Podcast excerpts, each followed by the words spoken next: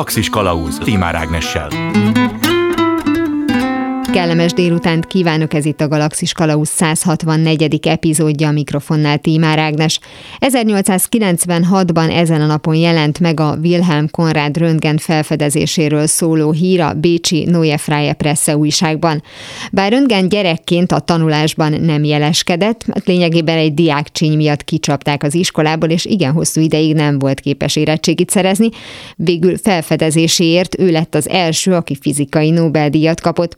Hogy hogy a röntgensugárzást mikor, miért és hogyan használták először, többek között erről lesz szó a mai első interjúban. Első megálló a vonalban dr. Sükös Csaba fizikus van velem a Műszaki Egyetem Nukleáris Technikai Intézetének nyugalmazott tanszékvezetője. Jó napot kívánok! Jó napot kívánok, és üdvözlöm a hallgatókat is. Most itt felfedezést vagy feltalálást kell mondanunk?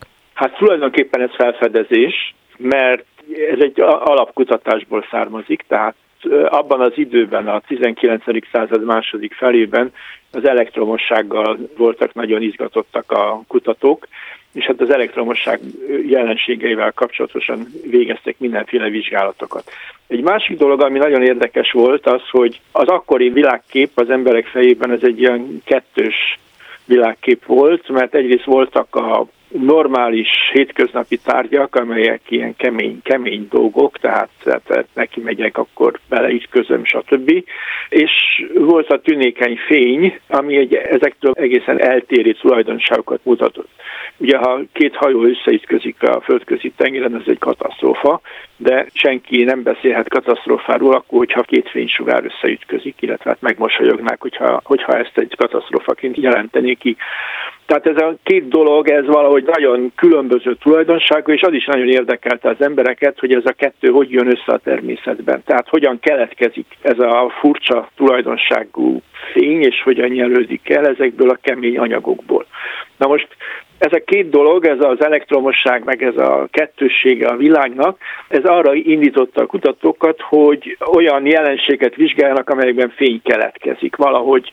És ennek az egyik eszköze ezek a katódsugárcsövek voltak, amelyek egyrészt elektromosságot is tartalmaztak, hiszen nagy feszültségű áramforrást kellett rá kapcsolni ahhoz, hogy ez a katódsugárcső egyáltalán világítson, Másrésztről pedig hát ilyen ritkított gázok voltak benne, és hát tudjuk, hogy hát gázok bizonyos állapotukban fényt tudnak kibocsátani, például a tűz is ilyen, amikor a forró gáz kibocsát valamilyen fényt. Na most ez, a, ez az egész dolog, ez az elektromosság és a fénynek a kapcsolata, ez tulajdonképpen már egy pár, mondjuk egy évtizeddel korábban már James Clark Maxwellnek a munkássága során ezt eléggé jól megértették, a, azt, hogy a fény, illetve hát az elektromágneses mező az valamilyen hullámtulajdonságokat tud mutatni, és hát azzal nagyjából már Hertz kísérletei is ugye arra utaltak, hogy ez így működik. De az, hogy ezek a katódsugarak, amik ebben a ritkított csőben mennek, ezek milyen tulajdonságúak. Erről viszont annak idején senkinek nem volt fogalma, sokan azt hitték, hogy ezek is ilyen elektromágneses hullámok. és hát Röngen is ezt a jelenséget kezdte el vizsgálni, ő is ilyen katódsugárcsövekkel kísérletezett, és egyszer, általában november 8-án azt vette észre, hogy a lesötétített laboratóriumban, meg a fekete papírral bevont katódsugárcső mellett lévő, elég messzire lévő bárium platina cianidos papír, az egyszerűen világítani kezdett. Méghozzá elég messze volt a csőtől, és valahogy másoknak úgy látszik ez elkerült a figyelmét, de azért mondanám felfedezésnek, mert Röngen meglátta azt, amit mások nem vettek észre, hogy ez egy furcsa dolog. A katódsugarak már ki tudtak lépni a csőből, ezt már Lénárd Fülöpék megvalósították, amikor a csőnek a végét egy nagyon vékony szénfóliával zárták le, ami a vákumot, vagy hát a létritkizott teret bent tudta tartani, de a katott sugarak kiléptek, de a levegőben azok csak egy pár centiméteres hatótávolsággal bírtak. Ez a bárium platina cianidos papír, vagy azzal bevont papír, azonban ez legalábbis Röngen szerint akár két méter távolságra is volt, és az is világított. Úgyhogy azt mondanám, hogy ez egy a véletlen is közrejátszott, de elsősorban az, hogy röngennek a figyelme, ami egy ilyen véletlen felfedezéshez vezetett. Tehát én ezt nem felfelállásnak mondanám, hanem ezt felfedezésnek. Az aztán egy másik kérdés, hogy nagyon hamar meglátták ebben a felfedezésben rejlő gyakorlati alkalmazásnak a lehetőségét, és az már akkor tulajdonképpen egy találmány, a röntgenkészülék, de először is, amikor ezt röntgen felfedezte, akkor ezt mindenképpen felfedezésnek nevezném. Egyébként a tudomány történetében nagyon gyakran vannak ilyen véletlen felfedezések, amelyek hát idézőjelbe teszem ezt a véletlen felfedezést, igazából arról van szó, hogy vannak dolgok, amelyeket mindenki lát, de nem vesz észre. Hát ugye ott volt például Flemingnek a felfedezése, a penicillin is. Szóval ezek részben véletlen felfedezések,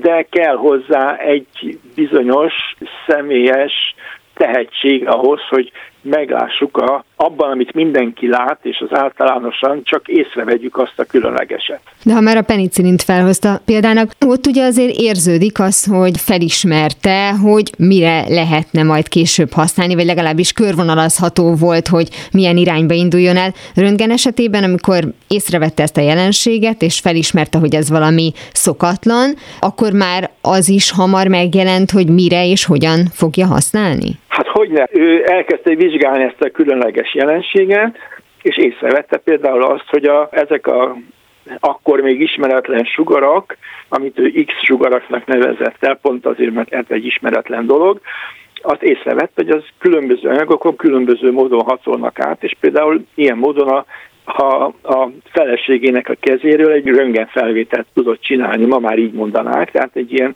egy ilyen ányképet tudott csinálni. Na most innentől kezdve aztán teljesen egyenes út volt az, hogy Angliában már 1896. januárjában, még talán egy hónap se telt el a röntgen felfedezésének a bejelentése óta, és már egy ilyen módon helyeztek helyre egy eltört csontot.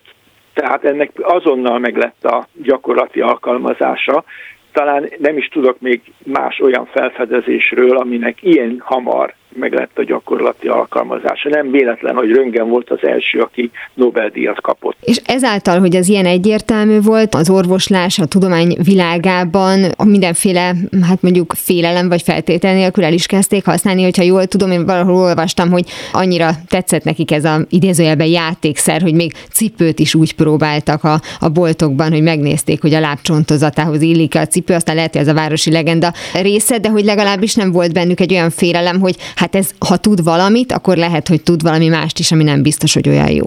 Igen, tehát az elég későn derült ki, hogy ennek a sugárzásnak vannak negatív hatásai is, úgyhogy az első röntgenorvosok bizony komoly sugár sérüléseket kaptak a röntgen készülékektől, mert ők akkor még nem védekeztek. Tehát az csak 1927-ben alakult meg, ha jól emlékszem, az International Commission for Radiation Protection, tehát a sugárvédelemnek a nemzetközi testülete, amely nagyon komoly sugárvédelmi előírásokat írt elő a röntgenorvosokra és egyáltalán a sugárzásoknak a használatára. Tehát korábban azért eléggé nagy árat kellett fizetni azért, hogy ezt használták. Nem tudták akkor, akkoriban még ezeknek a negatív hatásai. De hát természetesen azt is tudni kell, hogy mindennek a világon, ami csak létezik, vannak pozitív, vagy lehetnek pozitív és negatív hatásai. Tehát rá kell jönni, meg kell vizsgálni mindegyiket, de hát ez bizony hosszú éveknek a kutatását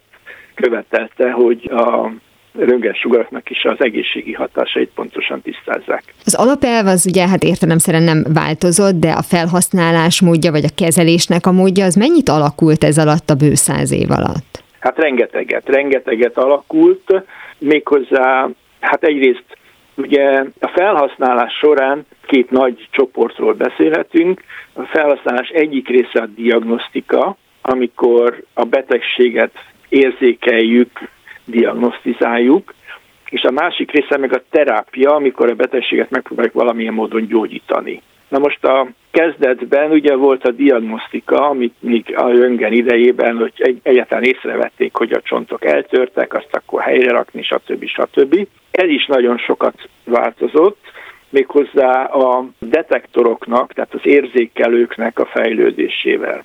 Tehát egyrészt ugye rájöttünk arra, hogy valamilyen módon minimalizálni kell azt a sugárdózist, amit a beteg kap, de ugyanakkor természetesen ez nem mehet a diagnosztikának a rovására.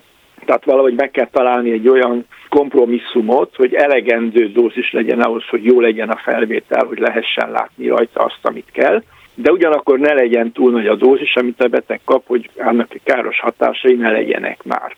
Ehhez az érzékelőknek a fejlődése kellett. Kezdetben ugye filmeket használtak, a röntgenképeknek a felvételére. Manapság már ilyen félvezető eszközöket, félvezető detektorokból készült pixelek halmazát tartalmazó röntgenkép rögzítő elemeket használnak, amelyek a korábbianak használt dózisoknak a töredéke is már egy jó képet ad tehát nagyon, nagyon nagy mértékben sikerült lecsökkenteni a szükséges dózist ahhoz, hogy egy jó diagnosztikai képet lehessen csinálni. Tehát ez a mai dózisok azok összesen hasonlíthatók azzal, mint ami akár az 1900-as évek elején, vagy 1920-as években, vagy akár még az én gyerekkoromban is, az 50-es években használatosak voltak.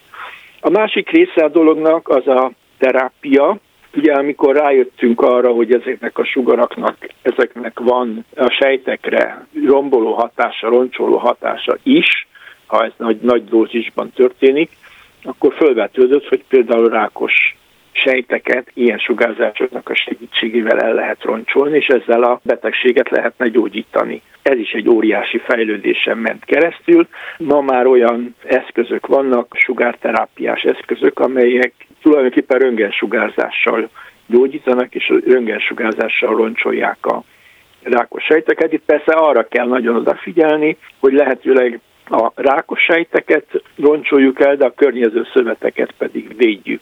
Tehát van a céltérfogat, amit megfelelő dózissal be kell tudni sugározni, de ugyanakkor a céltérfogat környékén pedig vannak a védendő szervek, meg a védendő szövetek, amelyeket viszont óvni kell a attól, hogy a sugárzás őket érje.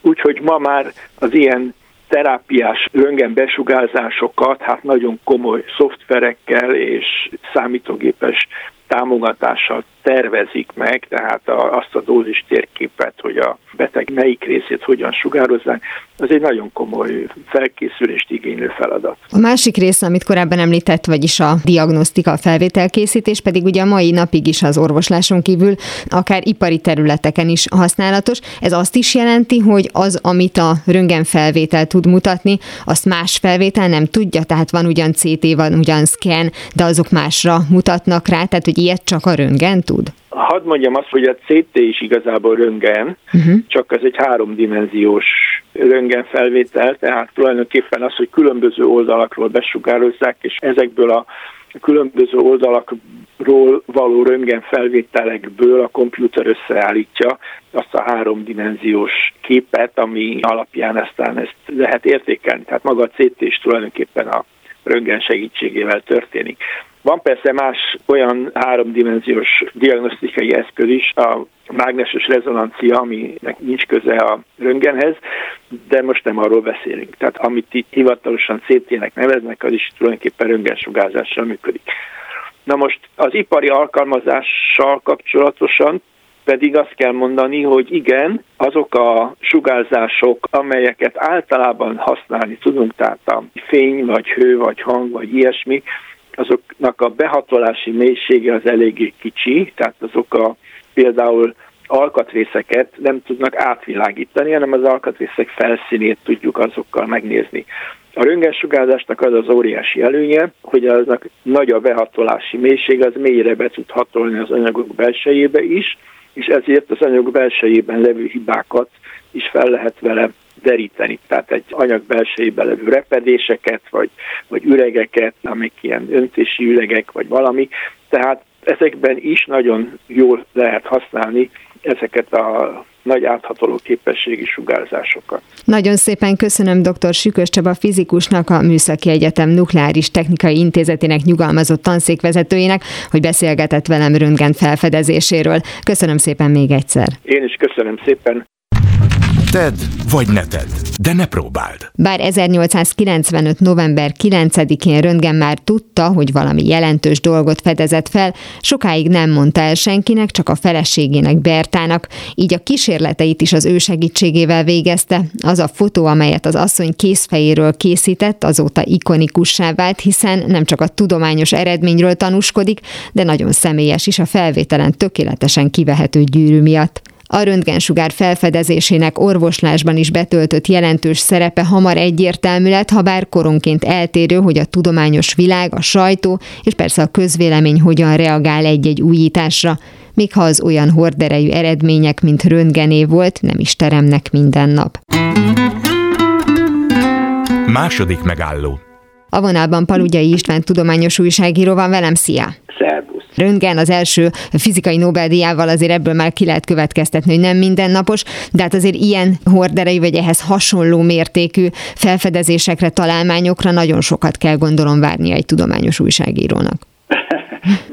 Persze, általában ezt a tudománytörténészek már megállapították, hogy nem úgy megy, hogy folyamatosan nő, nő, nő, vagy pláne exponenciálisan, hanem mindig van egy, egy ilyen felívelő fázis, majd egy ilyen platófázis, aztán majd megint egy hirtelen növekedés, és ezeket a növekedéseket majdnem mindig egy-egy jelentős felfedezés indukálja. Tulajdonképpen azok a felfedezések, amelyek gyorsan áttörik ezt a úgynevezett falat, tehát, hogy hát ez új, új, új, ugye, hogy most a vakcinákról beszélnek az emberek, várjunk, várjunk vele.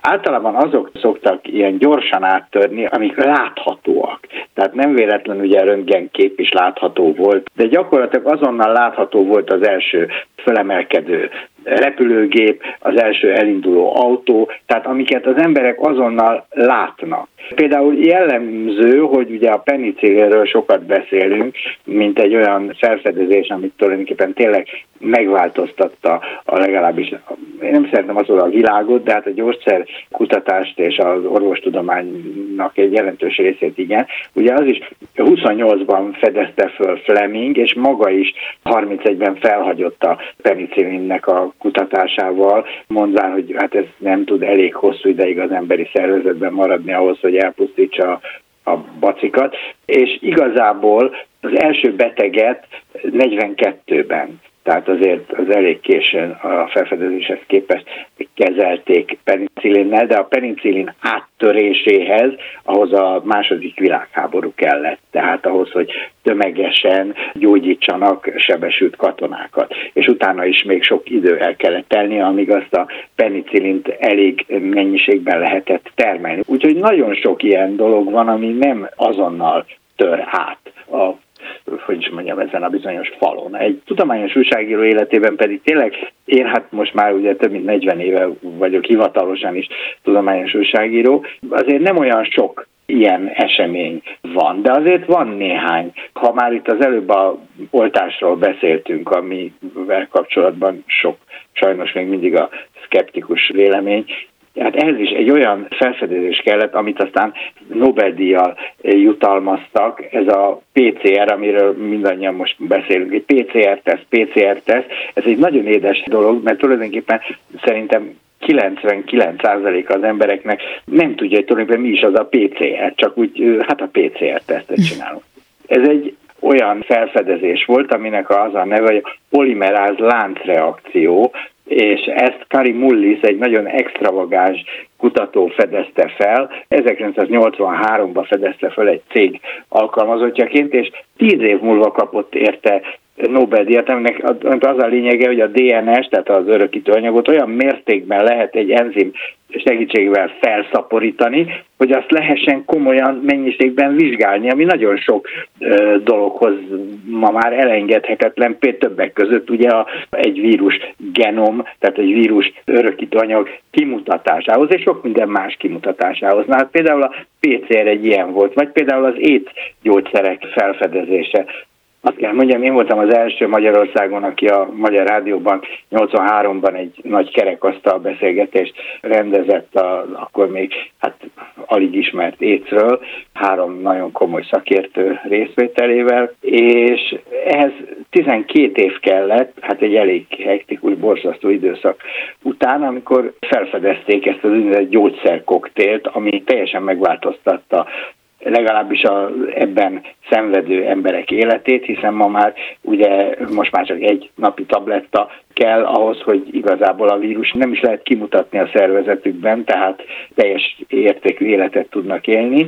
Sőt, most egy hete körülbelül olvastam egy új hírt, amit pont Fauci jelentett be, akivel én még akkor találkoztam, amikor a 80-as évek végén egy étkongresszuson, még ő is jóval fiatalabb volt, már akkor nagy étszakértőként nyilatkozott nekem. Tehát igazából most ő jelentette be az első olyan injekciót, ami gyakorlatilag ezt a napi tabletta szedést váltaná ki, hogy 8 hetente kell csak egy ilyen injekciót beadni. Azoknak, akik hát ilyen mondjuk kockázati csoportba tartozó emberek, és ilyen szempontból ez is egy, ahogy ő mondta, új korszakot nyit a dolog. Koronként változó, hogy az ember milyen hajlamossággal fogadja be az új dolgokat, tehát akár a századforduló idején, akár az atomkor idején, tehát hogy azért azt észre lehet venni, hogy azon túl, hogy most valami látható, ahogy te is mondtad, felrepül az a repülő vagy sem, mennyire voltak az emberek fogékonyak arra, hogyha valami új dolog jön, az inkább jót fog hozni, mint rosszat. Igen, Ági, ezzel teljesen igazad van, és nagyon jó, amit mondasz, ugyanis ez a a társadalmi befogadó készség borzasztóan függ attól, hogy milyen a társadalomnak és a tudománynak a viszonya. Ez csak a 20. század folyamán is többször változott. A 20. század elején volt egyfajta ilyen optimizmus, aztán utána ez úgy elhalványodott, és akkor jött a második világháború, és az utána a atomkorszak, meg a hidegháború, tulajdonképpen a tudományt úgy tekintették akkor, mint egyfajta ilyen reményt hozó valami csodavárás is volt, ezzel párhuzamosan elindult, de még akkor nagyon kis méretekben a tudományjal szembeni érzelmeknek egyfajta tudomány ellenességé való kialakulása. Ez pontosan ez egyébként az atomnak a káros hatása miatt, de az főleg Csernobil után nőtt meg, és igazából a 20. század végére kezdődött ez erőteljesebbé válni, és hát a 21. században ez már hogy mondjam, erősen virágzott. Nagyon érdekes, hogy azt kell, hogy mondjam, hogy valahol a tudomány és a tudomány kommunikációja kicsit kisiklott. Nagyon jó példa erre a génmódosítás elleni harc, amiben egyébként egy magyar származású kutatónak, Pusztai Árpádnak, és az ő hát bizonyos eredményeinek a rossz kommunikációjának is nagy szerepe volt. Na most a mai társadalmi viszonyok kifejezetten kedveznek az áltudományok terjedésének. Ugye a tudománynak pont az a lényege, hogy vitáznak. Tehát az igazi tudomány az soha nem mond fekete-fehér dolgokat, nem mondja azt, hogy ez száz százalékban igaz, hiszen a természettudományban nincs száz százalék.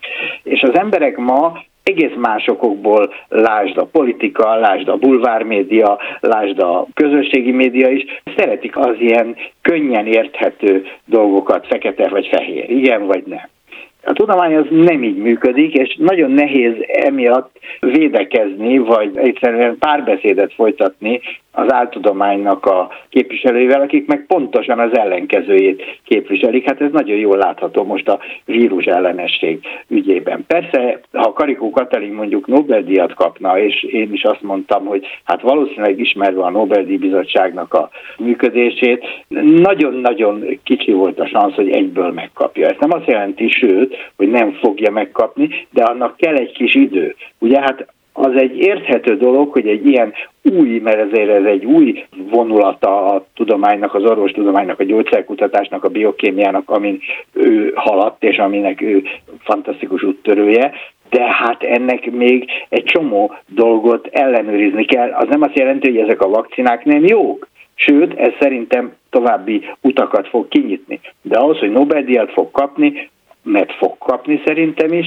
ahhoz még lehet, hogy egy vagy akár két év is szükség lesz. Hamarosan folytatódik a Galaxis Kalauz, és benne az interjú Palugyai István tudományos újságíróval. Galaxis Kalauz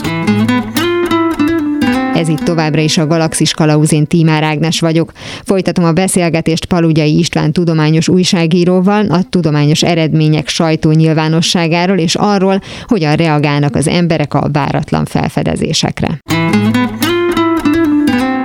Említetted, hogy ugye itt nagyon fontos az, hogy milyen viszonyban van a tudomány és a mondjuk a fogyasztó, ahol ugye kapuőrként ott van a, a sajtó, és az, hogy hogyan tálal mondjuk egy bizonyos hírt. Ráadásul ugye olyan olvasókról beszélünk, magamról is például, akinek nincsen ilyen jellegű végzettsége, tehát nincsen mondjuk semmilyen olyan tudományos végzettségem, hogy én ezt ne laikusként olvassam, tehát valójában én nekem rengeteg különböző cikket és orgánumot kellene elolvasnom, tehát hogy óriási a szerepe a tudományos újságírónak. Itt ezt mennyire érzed, hogy itt mire kell figyelni, hogy van-e valami, amit követni lehet, hogy itt most biztos, hogy ez az, amit ilyen módon és meg kell írni, vagy itt ez legfeljebb lukrafutás? Ugye itt több mindenről lehet beszélni. Egyrészt arról, amit mondtál, hogy kapuőr. Hát mondjuk 15 évvel ezelőtt még valóban, amikor például a Népszabadság tudományos rovatöltője voltam, ez egy kapuőr funkció volt, ezt én többször észleltem, amikor jöttek levelek mindenféle világ megváltó felfedezésekről, és akkor azt akarták, hogy én ebben tegyek valamit, és hát ilyenkor azt tudtam mindig mondani, hogy kérem, ezt közöljék le egy megfelelő folyóiratban.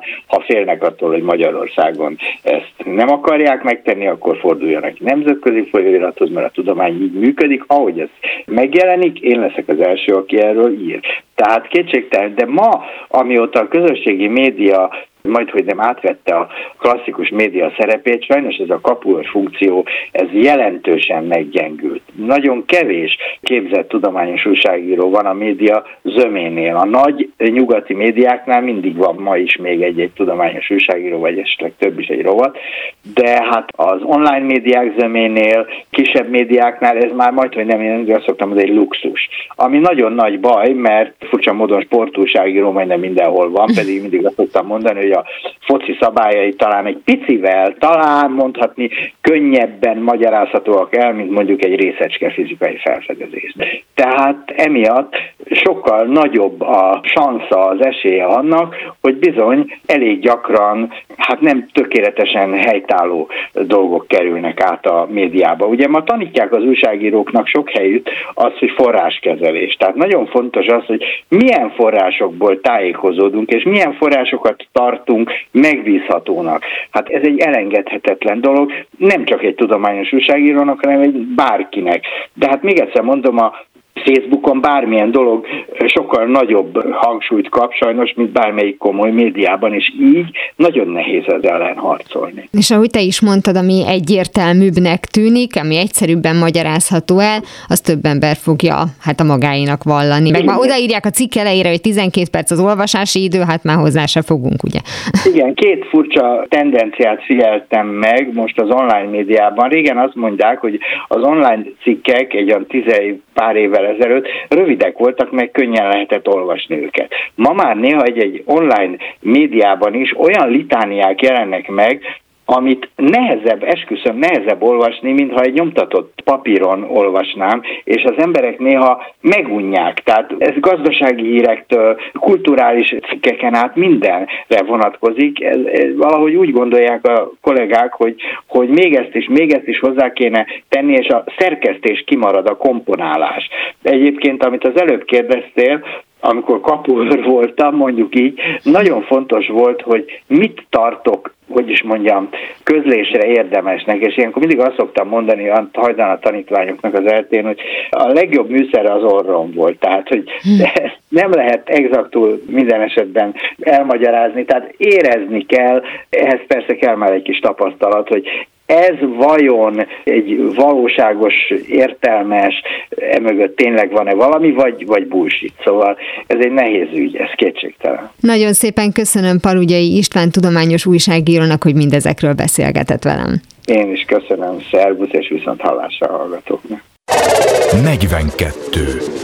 Mihez is tudjátok, hogy mi a kérdés, érteni fogjátok a választ is és ha a tudományos újságírók is sokszor csak a megérzéseikre hagyatkozhatnak egy-egy új eredmény megjelenésekor, hogy azok vajon tényleg számottevőke, akkor nem várható el az átlagos fogyasztótól sem, hogy egy új kütyű bemutatásakor biztosan tudja, erre neki szüksége lesz 5-10 év múlva, vagy úgy egyáltalán.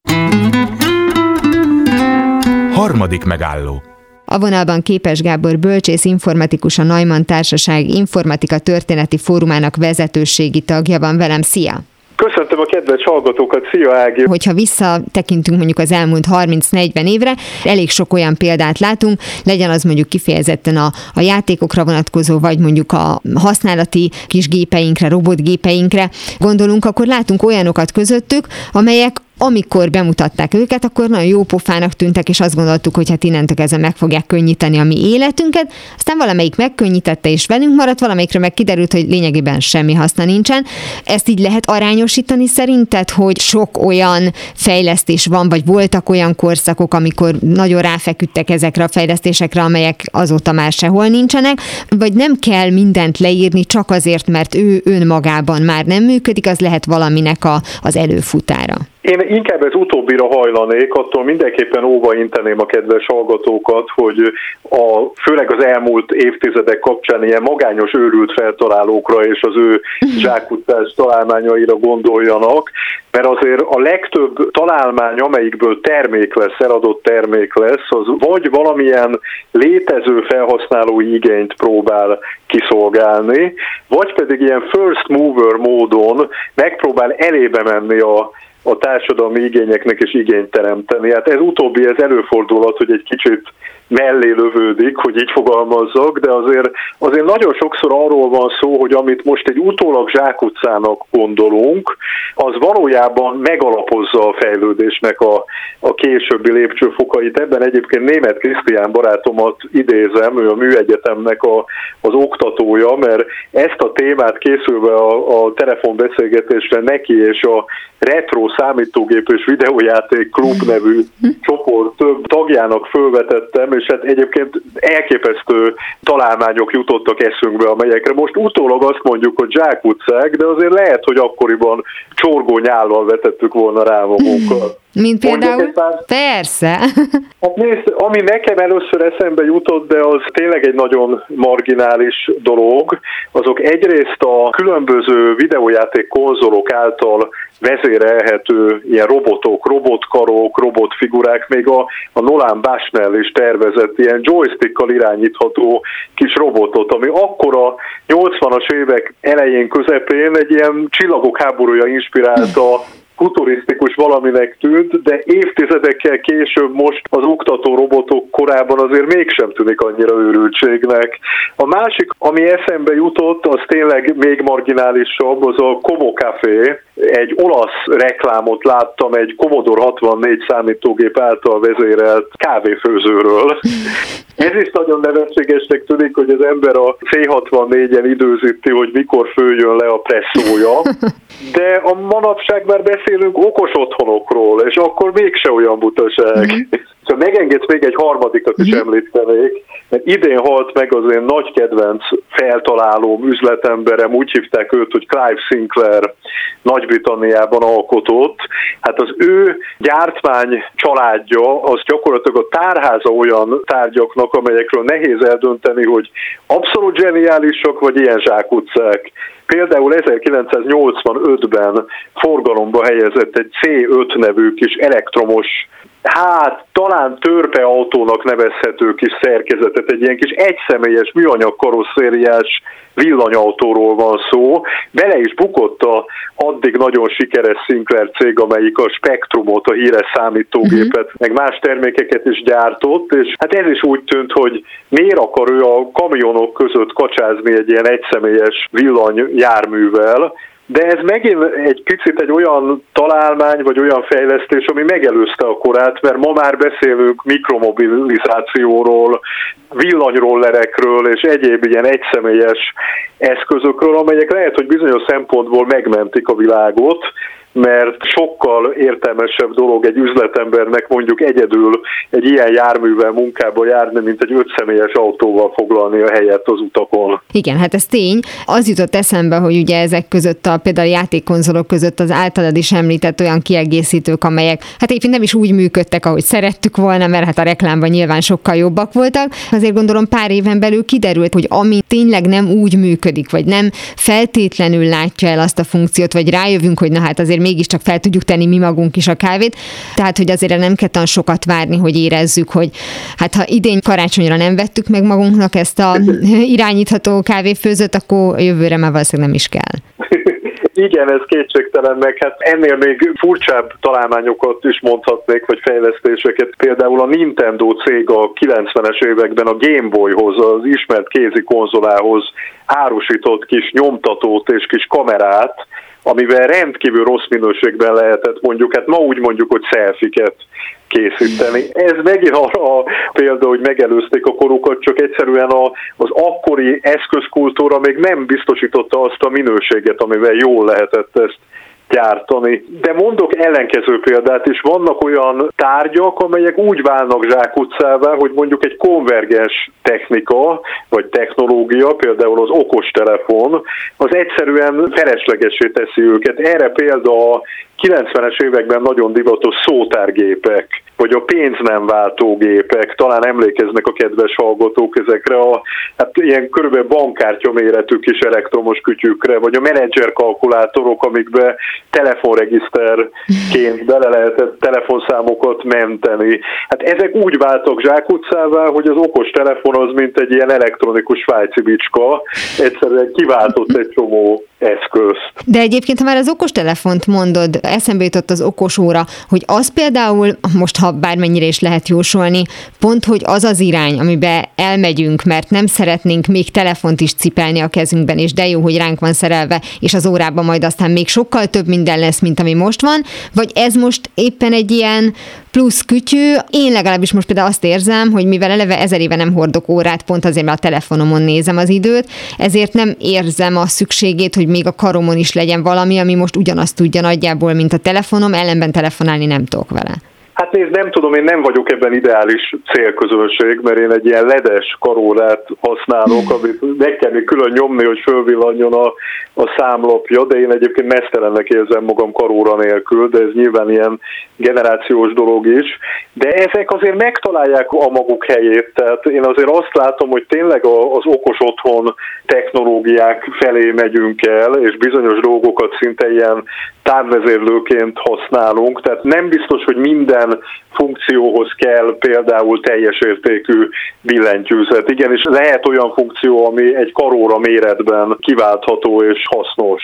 Tehát én azt gondolom, hogy, hogy az, amit mi megszoktunk, hogy van egy telefonunk, meg van egy asztali számítógépünk, vagy van egy telefonunk, meg egy laptopunk, az lehet, hogy egy átmeneti állapot, és egészen különböző méretű és kinézetű eszközökre lesz szükségünk, amit lehet, hogy hanggal vezérelünk, ugye ez is már egy abszolút létező és már eléggé kiforrott technika, tehát én el tudom képzelni, hogy ilyen különböző divat cikkek, azok összeforhatnak a számítástechnika vívmányaival. Erre is vannak egyébként korai példák, még az elektromos szenzorokkal ellátott cipőre is van példa a 80-90-es évekből. Néhány évvel ezelőtt, amikor mindenki e-book olvasót vásárolt, mert rájött, hogy tulajdonképpen nem kell feltétlenül fákat kivágni és kinyomtatni a könyvet. Ugye az előbb Igen. mondtad azt, hogy az okos telefon azért ugye nagyon sok mindent kiváltott, hát többek között ezt is. Tehát, hogyha PDF vagy akár Word formátumban van egy leírt szöveg, én most főleg, hogy megint ezek a nagyméretű telefonok vannak divatban, én nagyon kényelmes kényelmesen tudom olvasni, és mondjuk egy e-book olvasó már lényegében fölöslegesnek tűnik. Hát én is így látom, bár egyébként az e-book olvasóknak azt a speciális szembarát képernyőjét azt egy, egy elég jó innovációnak tartom, és az még lehet, hogy valahol föl fog bukkanni, amilyen energiatakarékos és szembarát kijelző, de önmagában maga az e-book olvasó az szerintem is zsákutca, és ráadásul én még műszaki múzeológus koromban láttam ennek az e-book olvasónak az elődjét, és pedig a, a Csár Simonyinak a testvére Simonyi Tamás ajándékozta a Műszaki Múzeumnak, az egy olyan e-book olvasó volt, amihez külön kis optikai lemezeken lehetett megvásárolni a könyveket, nagyon pici képernyőn lehetett ezeket a könyveket olvasni, és minden kis optikai lemeznek volt külön kis borítója, tehát az eredmény az majdnem ugyanaz volt, mint egy könyves polc, mert ezeket a kis optikai lemezeket tudtuk a polcra rakni. Én azt gondolom, hogy a könyvolvasás, mint olyan, az nagyon meg fog változni, és ezt mint bölcsész informatikus is mondom, és elsősorban a Horváth Iván professzor úrra szoktam ilyenkor hivatkozni, hogy egyáltalán nem biztos, hogy a elektronikus eszközökön való kultúrafogyasztásnak, annak utánoznia kell a könyvolvasást. Tehát nem biztos, hogy az egy jó dolog, hogy a PDF az a végpont, és ugyanúgy lapozgatjuk az oldalakat, mint a nyomtatott könyv esetén. Hát képzeld, én most vettem észre, és ezért biztosan sokan majd csóválják a fejüket, hogy csak most vettem észre, hogy a telefonom képes és felolvassa nekem a, a PDF-et. Tehát, hogy ez, ez engem annyira sokkolt. Tőled is idegen még, mert én, én bár bolondulok mind a kulturális, mind a technikai fejlesztésekért, de ugyanakkor valahol egy picit még a régi világból valónak érzem magam, tehát nagyon szeretek egy nyomtatott könyvvel az ölembe leülni, de megmondom őszintén, hogy az írógépeket is nagyon szeretem mind a mai napig, és örömmel látom, hogy van egy cég, amelyik okos írógépet gyárt, tehát egy olyan eszközt, amelyiknek egy nagyon jó minőségű mechanikus billentyűzete van, és pont egy ilyen e-book olvasókból ismeretes szembarát képernyője, és semmi másra nem lehet használni, mint szövegszerkesztésre. Tehát nem vonja el az ember figyelmét a neten való szörfölés, mert csak írhatsz rajta. Igen, ez a legnehezebb, hogy miközben éppen egy Word dokumentum van előtted, és meg kéne írnod valamit, hogy ne kezd el megnézni, hogy mi történt a, a Facebookon, de mondjuk ez a példa, ez már csak a hogy mondjam, a, az alkotónak a hobbija, mert itt tényleg arról van szó, hogy ő itt, itt nem hozott létre abból a szempontból új dolgot, hogy ilyet még nem láttunk, hanem épp, hogy megfosz téged dolgoktól, hogy te egy valamire koncentráljál, tehát, hogy ez olyasmi, mint mondjuk a, a robotformájú írógép száz évvel ezelőtt, hogy oké, okay, most jól néz ki, meg vicces, meg steampunk, de valójában nem lesz ennek semmi funkciója pár év múlva.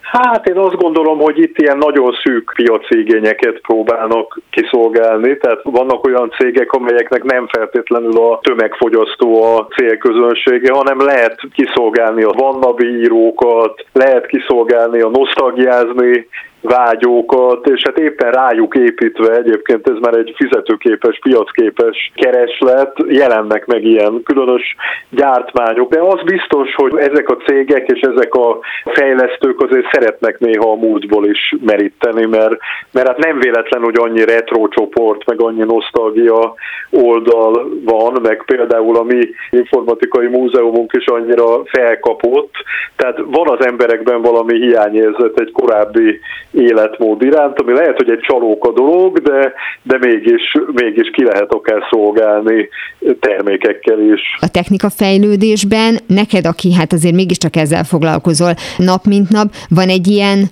orrot hozzá, hogy egyébként Palugyai István mondta, hogy már tudja, hogy mi az a, a történés, mi az, az esemény, amire érdemes odafigyelni, hogy itt most ez a fejlesztés találmány, akármi, ez tényleg valaminek a, az eleje, a kezdete, vagy pedig itt csak valami fejlesztésről van szó. Minden találmánynak van egy periódusa, a megjelenésétől kezdve addig, amikor már mindenféle variációi jelennek meg, majd az utódai jelennek meg, és hát vannak olyan szerencsés pillanatok a technika történetben, amikor az eszközkultúrának a fejlettsége, meg a társadalmi igény, ami már olyan csíra szinten megvan, ez a kettő, ez találkozik valamilyen tényleg zseniális cégvezetővel, zseniális mérnökkel, zseniális feltalálóval, vagy többekkel, és akkor szoktak megjelenni ilyen teljesen új találmányok. Ugye erre, erre a legjobb példa az az 1970-es évek közepe, és az első személyi számítógépek, mint az Elter például az Egyesült Államokban, de nem az volt az egyetlen, és utána, amikor egy ilyen technika elkezd felnőtté válni, hogy így fogalmazok, akkor jelennek meg a különböző utánzatok, akkor jelennek meg a, a különböző mellékágok, de én azért tényleg mindenkit óvaintenék attól, hogy, hogy ezeknek a, a készítőit kinevessük. Hát tulajdonképpen az is egy adat, hogyha valami csak divatot próbál kiszolgálni. Tehát, hogyha azt látom, hogy egy termék az tényleg arra a célra készült, hogy az akkori sci filmeknek a világát idézően próbáljon nagyon menő és vagány lenni, tulajdonképpen az is egy, egy információt nyújt arról a, a korszakról, amelyben a tárgy született. Olyan előfordul, ez is műszaki múzeológus koromból jutott eszembe egy Vörösvári László nevű magyar fejlesztőnek a 1960-as évekből való összeadó gépe, hogy egyszerűen annyira elszigetelt körülmények között élt a fejlesztő, hogy nem tudott róla, hogy nála jóval korábban, évtizedekkel korábban már nagyon hasonló tárgyat készítettek, és ezért ő, ő úgy gondolta, hogy ez egy nagy újdonság lesz, és még a, a műanyag réselő, vagy műanyag ilyen fröccsöntő szerszámokat is elkészítette hozzá, hogy majd ezt ő gyártani fogja, és aztán nem lett a, a dolog sikeres. Tehát ilyen zsákutcák előfordulnak, hogy, hogy bizonyos gazdasági vagy egyéb elszigeteltség miatt valami mondjuk nem éri el a világszínvonalat. Meg vannak nagyon furcsa, tehát azt is megfigyeltem, hogyha valamit föl lehet találni, akkor azért föltalálják. Erre egy jó példám a homorú logarhenger. Ez még a 19. századból való. Ugye a legtöbb logarhenger az olyan, mint egy logarlét, csak henger alakú, és hát nyilván kívül van a logaritmuskála. Volt egy feltaláló, aki ebből csinált egy homorú változatot, ami úgy néz ki, mint egy, egy cső belülről, és abban egy kis csónak segítségével lehet számolni, hogy mi értelme van, azt megkérdez, de, de megcsinálta. És hogyha nem sikerül, akkor ott a szorobán. a jól kipróbált technika, így van. Nagyon szépen köszönöm Képes Gábor bölcsész informatikusnak, a Najman Társaság Informatika Történeti Fórumának vezetőségi tagjának, hogy mindezt elmondta. Köszönöm szépen. A végtelenbe és tovább. Már ennyi volt a Galaxis Kalauz, jövő héten ugyanekkor találkozunk. Hamarosan archívumunkból visszahallgathatják a mai adást is, valamint most már podcast formában is elérhető a műsor. A Rádió és a Galaxis Kalauz Facebook oldalán további érdekességeket találnak, illetve ha még nem tették, iratkozzanak fel YouTube csatornánkra. Köszöni a figyelmüket a szerkesztő műsorvezető Tímár Ágnes. Viszont hallásra! Viszlát, és kösz a halakat! Ez volt a Galaxis Kalauz. Timár Ágnes műsorát hallották.